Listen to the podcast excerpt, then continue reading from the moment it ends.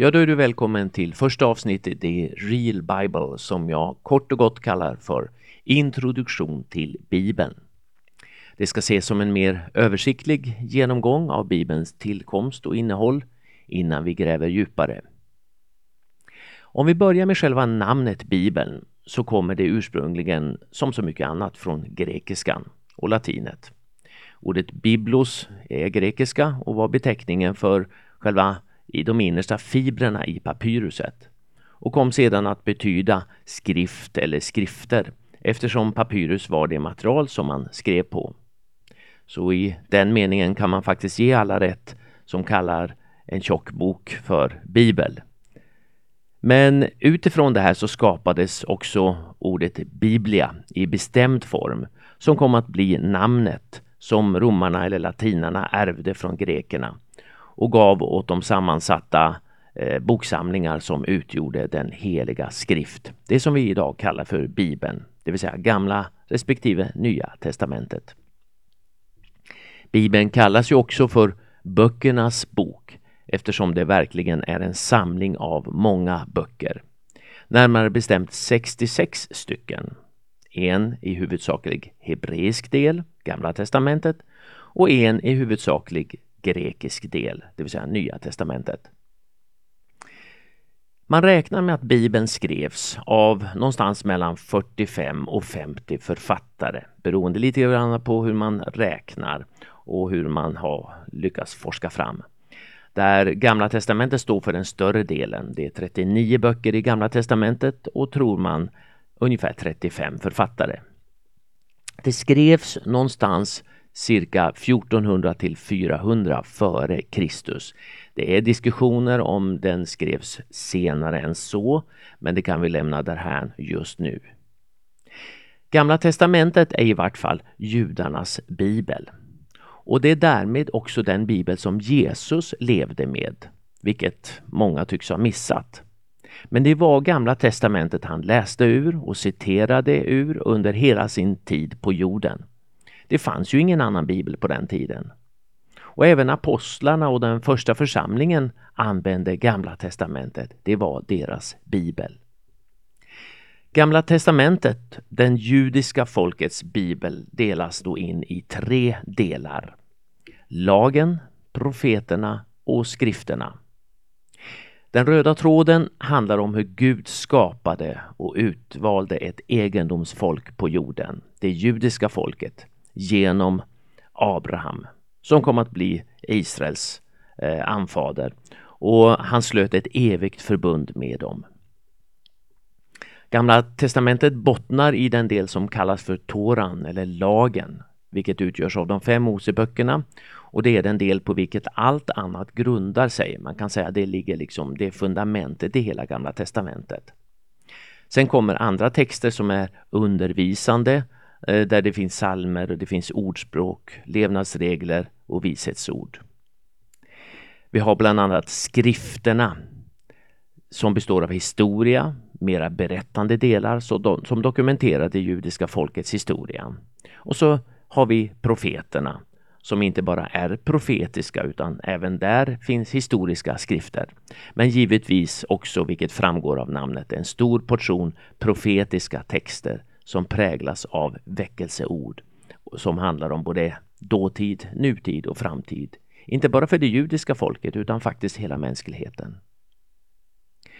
Budskapet som löper genom hela Gamla testamentet, det är att Gud, som först ristade sin lag på stentavlor, också ska skriva sin lag i människors hjärtan och att han ska upprätta Israel som folk och land under sin ende sanne kung Messias.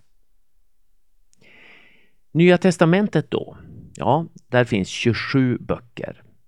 10 författare räknar man med inklusive den som skrev Hebreerbrevet. Hebreerbrevet är nämligen en bok i Nya Testamentet som saknar en tydlig avsändare. Men i jämförelse med Gamla Testamentet så är ju Nya Testamentet en ganska modern uppfinning kan vi säga. Som kom efter den första, att den första församlingen hade skapats. Ingen av Nya Testamentets författare hade ju tillgång till Nya Testamentet förstås. Däremot fick de vara med och skapa den. Nya testamentet kom successivt att bli de första kristnas bibel, eller en del av de första kristnas bibel. Gamla testamentet hade man ju redan. Men först efter i vart fall en generation skrevs eh, skrevs då Nya Testamentet och man brukar räkna mellan år 30 och 60 skrevs det mesta av Nya Testamentet. Sedan kom den sista boken till på 90-talet efter Kristus. Först har vi evangelierna där vi läser och förstår mer av hur Nya Testamentet och varför Nya Testamentet kom till. Nämligen för att dokumentera och vittna om vad Jesus gjorde och lärde. Och utifrån det faktum att Jesus uteslutande utgick från Gamla testamentet i sin undervisning så förstår vi att Nya testamentet endast är och kan vara en utveckling av Gamla testamentet. Och när jag säger utveckling så menar jag i betydelsen veckla ut. Om du skulle ta bort Gamla testamentet ur Nya testamentet så blir det faktiskt inte många blad kvar. Nya testamentet berättar alltså om Jesu liv och gärning och framförallt hur Jesus var och är uppfyllelsen av Gamla testamentets löften. Och framförallt då om att han är judarnas Messias men också hela världens frälsare. Om du inte har läst så mycket i Bibeln så kan jag verkligen rekommendera att börja läsa någon av de fyra evangelierna. Förslagsvis Markus evangeliet som är den andra boken i Nya Testamentet. Och är du en mer van bibelläsare så kan jag, jag faktiskt inte ge någon annan rekommendation heller utan fortsätt att läsa evangelierna. Det är en outtröttlig och uttömlig källa att ösa ur. Och i någon mening kan man faktiskt säga att evangelierna utgör själva grunden för hela Nya Testamentet. På samma sätt som Toran, de fem Moseböckerna, utgör grunden för Gamla Testamentet. Evangelierna då, Matteus, Markus, Lukas och Johannes berättar om Jesu liv. Hur han föddes, hur han växte upp, hur han vid 30 års ålder gick ut i sin tjänst, hur han när han invigdes till, i, i, till sin tjänst vid dopet fick en särskild gåva av sin himmelske far, den helige Ande, Guds ande, som visade sig vara själva hemligheten till allt fantastiskt som han gjorde hans lära och all, alla hans mirakler. Men inte minst också om hur han sedan kom att ge sitt liv för mänskligheten genom sin död på korset, hur han blev ett försoningsoffer för alla människors synd, men också hur han genom sin uppståndelse blev till rättfärdighet och frälsning till alla som ville tro på honom. Men också berättar evangelierna avslutningsvis hur han en dag ska komma tillbaka. Nya testamentet fortsätter sedan berättelsen om den första församlingen i det som är apostlagärningarna. Och sen följer undervisande texter, framförallt genom Paulus, många olika brev, men även Petrus och Johannes. Paulus förresten, han var ju då till skillnad från en del av de andra författarna en, en, en mycket intelligent och lärd man. Han hade studerat vid de absolut främsta lärosätena på den tiden. Och många bibelforskare menar att han sannolikt var en av de främsta kandidaterna till de religiösa absolut främsta ledarna till ledarskiktet bland fariseerna, som ju var ett ledande parti i Israel på den tiden. Om det här kan vi få återkomma längre fram. Sedan efter de här breven så landar Nya Testamentet i den här lite märkliga profetiska boken som kallas för Uppenbarelseboken. Som avslutas med en profetia om en ny himmel och en ny jord. Som på något vis knyter ihop hela Bibeln med eh, Första Mosebok, första kapitel, där Gud skapar himmel och jord. Hur kom det sig då att Bibeln blev Bibeln? Ja, med tanke på böckerna, vilka böcker som skulle ingå och så vidare. Ja, för det första kan man konstatera att det inte har varit en sådan stor diskussion om Gamla testamentets sammansättning jämfört med Nya testamentet. Helt enkelt eftersom Gamla testamentet har bevarats minutiöst av det judiska folket. Det har helt enkelt inte funnits samma utrymme för diskussion kring detta. Ett bra mer objektivt bevis för att det verkligen är så finner vi inte minst i de så kallade Döda havsrullarna som hittades i Israel 1947 och som var ett av världshistoriens främsta antika skriftfynd. De här skrifterna visade sig vara från 200-talet före Kristus och bestod av cirka 900 handskrifter från gammaltestamentlig tid där stora delar visar sig bestå av just Gamla testamentet. Det som är intressant att notera är att man ännu idag, 2022, fortsätter att söka efter skriftfynd och man fortsätter att hitta skriftfynd bland de tusentals oländiga grottor som finns i Juda bergsbygd på Döda havets västra strand. Det innebär att alla skriftfynd efter Döda havsrullarna troligen ännu inte har sett dagens ljus. Men det i vart fall hittills då, får vi säga, mest uppseendeväckande med de här fynden, det är ju att dessa avskrifter av Bibeln visade sig alltså vara cirka tusen år äldre än tidigare kända skriftfynd från Bibeln. Men de var likväl praktiskt taget absolut identiska med de tidigare kända.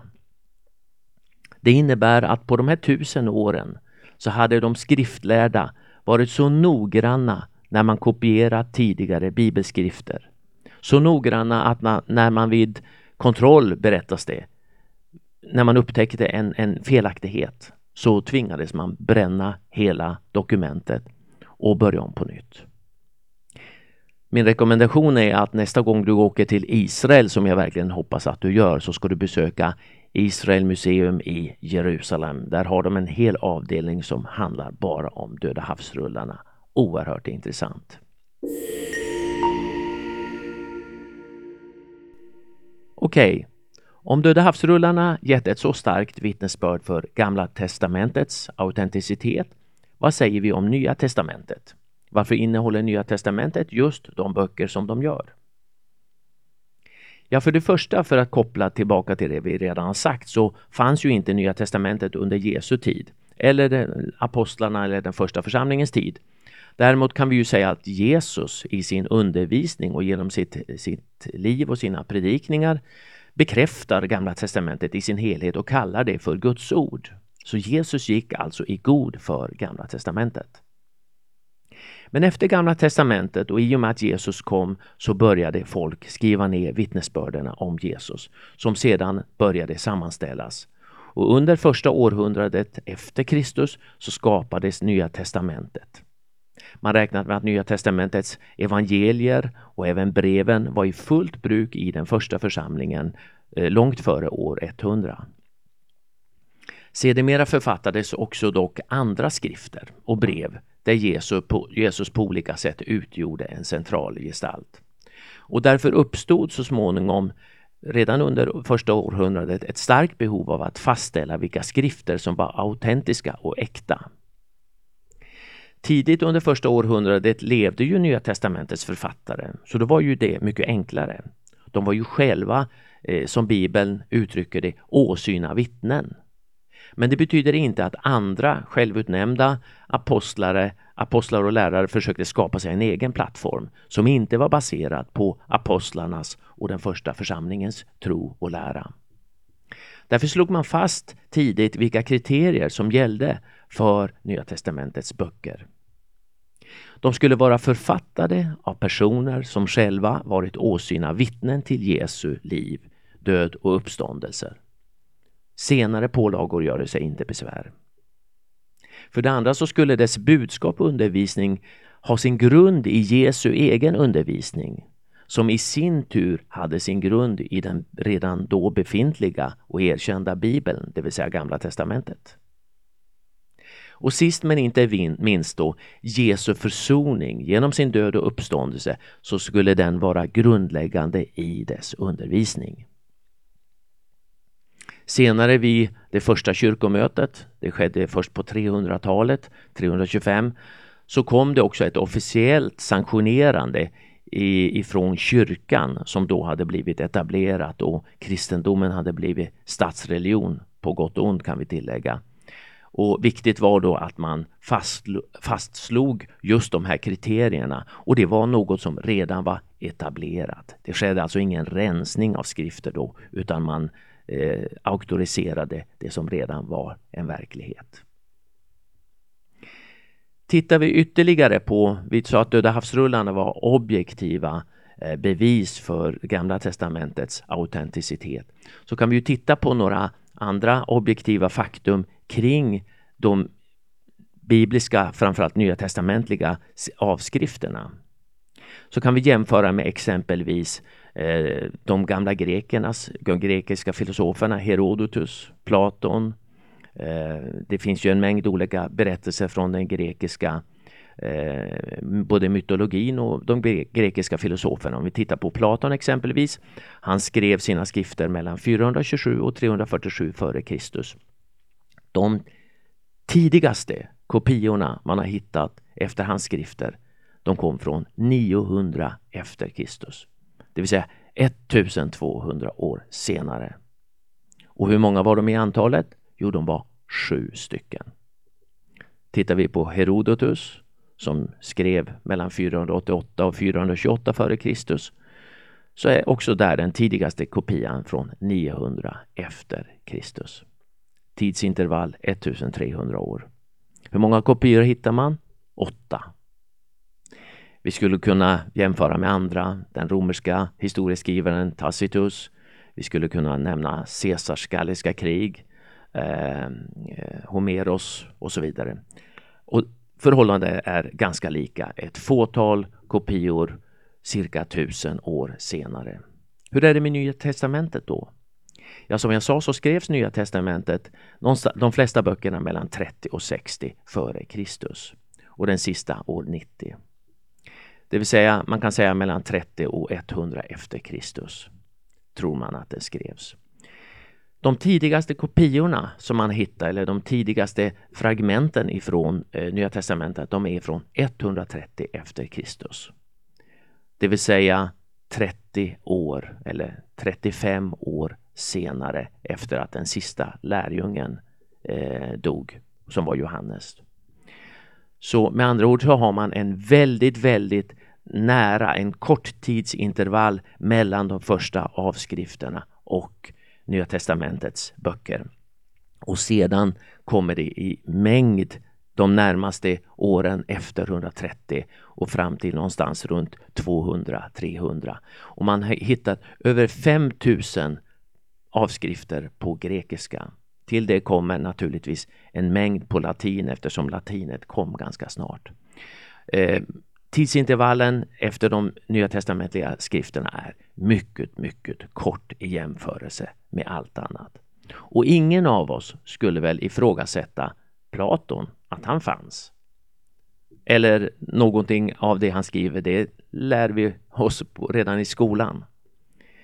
Nya testamentet kan vi säga utan tvekan är världens mest och bäst dokumenterade antika bok. Ska vi säga någonting kort om apokryferna med till exempel Thomas evangeliet i spetsen? Ja, vi har ju redan delvis svarat på detta. Men vi kan säga så här, hittills har arkeologer hittat fragment av då ska vi säga, mellan 30 och 40, ett 35-tal så kallade apokryfiska evangelier. Och flera ligger kanske gömda i ökensandet. Thomas evangeliet är kanske det mest kända exempel på en apokryfisk skrift, ett evangelium. Och det betyder att i och med att den är apokryfisk så är den inte godkänd som biblisk skrift.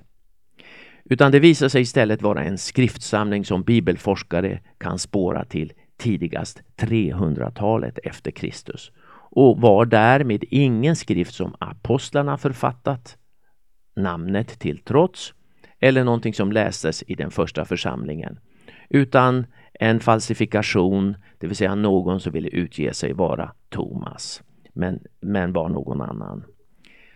Den förkastades av de tidiga kristna eftersom den var också väldigt starkt färgad av dåtidens grekiska gnostiska läror, något som bland annat Paulus varnade för.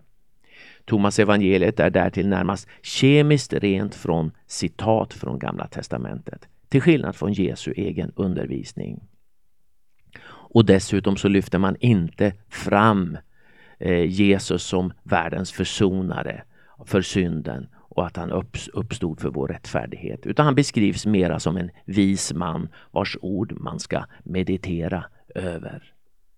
Och därför så faller inte Thomas in under de här kriterierna man har satt upp och den tidiga kyrkan satte upp för vad som var en verklig gudainspirerad eh, bok som tillhör Bibeln.